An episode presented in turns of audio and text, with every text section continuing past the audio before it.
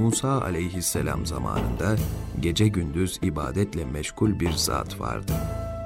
Fakat bu kadar ibadette bulunduğu halde ruh dünyasında zerre miskal bir açıklık hasıl olmaz, gönül güneşinin parlaklığını bir türlü bulamazdı. Bu iyi adamın hayli uzun bir sakalı vardı.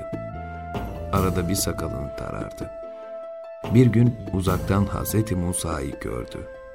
Yanına varıp, ''Ey Tur Dağı tecellisine mazhar olan peygamber'' dedi. ''Allah aşkına, Rabbinden sorar mısın? Ben neden bu haldeyim?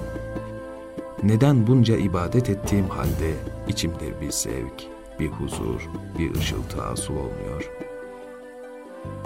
Hz. Musa Tur Dağı'na varınca bunu da Rabbine sordu.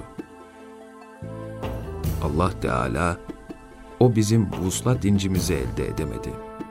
Yok yoksul bir halde kaldı buyurdu ve sebebini şöyle açıkladı. O, hep sakalıyla meşgul olup dururdu.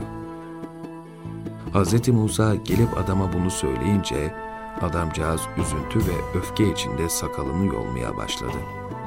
Bir yandan ağlıyor, bir yandan sakalını yoluyordu. Bunun üzerine Cebrail hemen gelip Musa aleyhisselama Allah'ın mesajını getirdi. Şimdi de yine sakalıyla meşgul.